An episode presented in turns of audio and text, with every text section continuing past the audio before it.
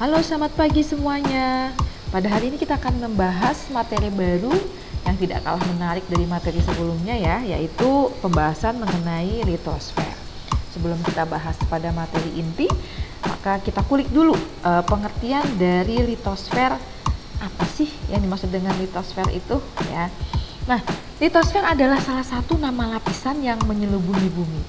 Nah, ternyata banyak loh yang bisa kita bahas dari litosfer ini Kira-kira manfaat litosfer itu apa aja sih?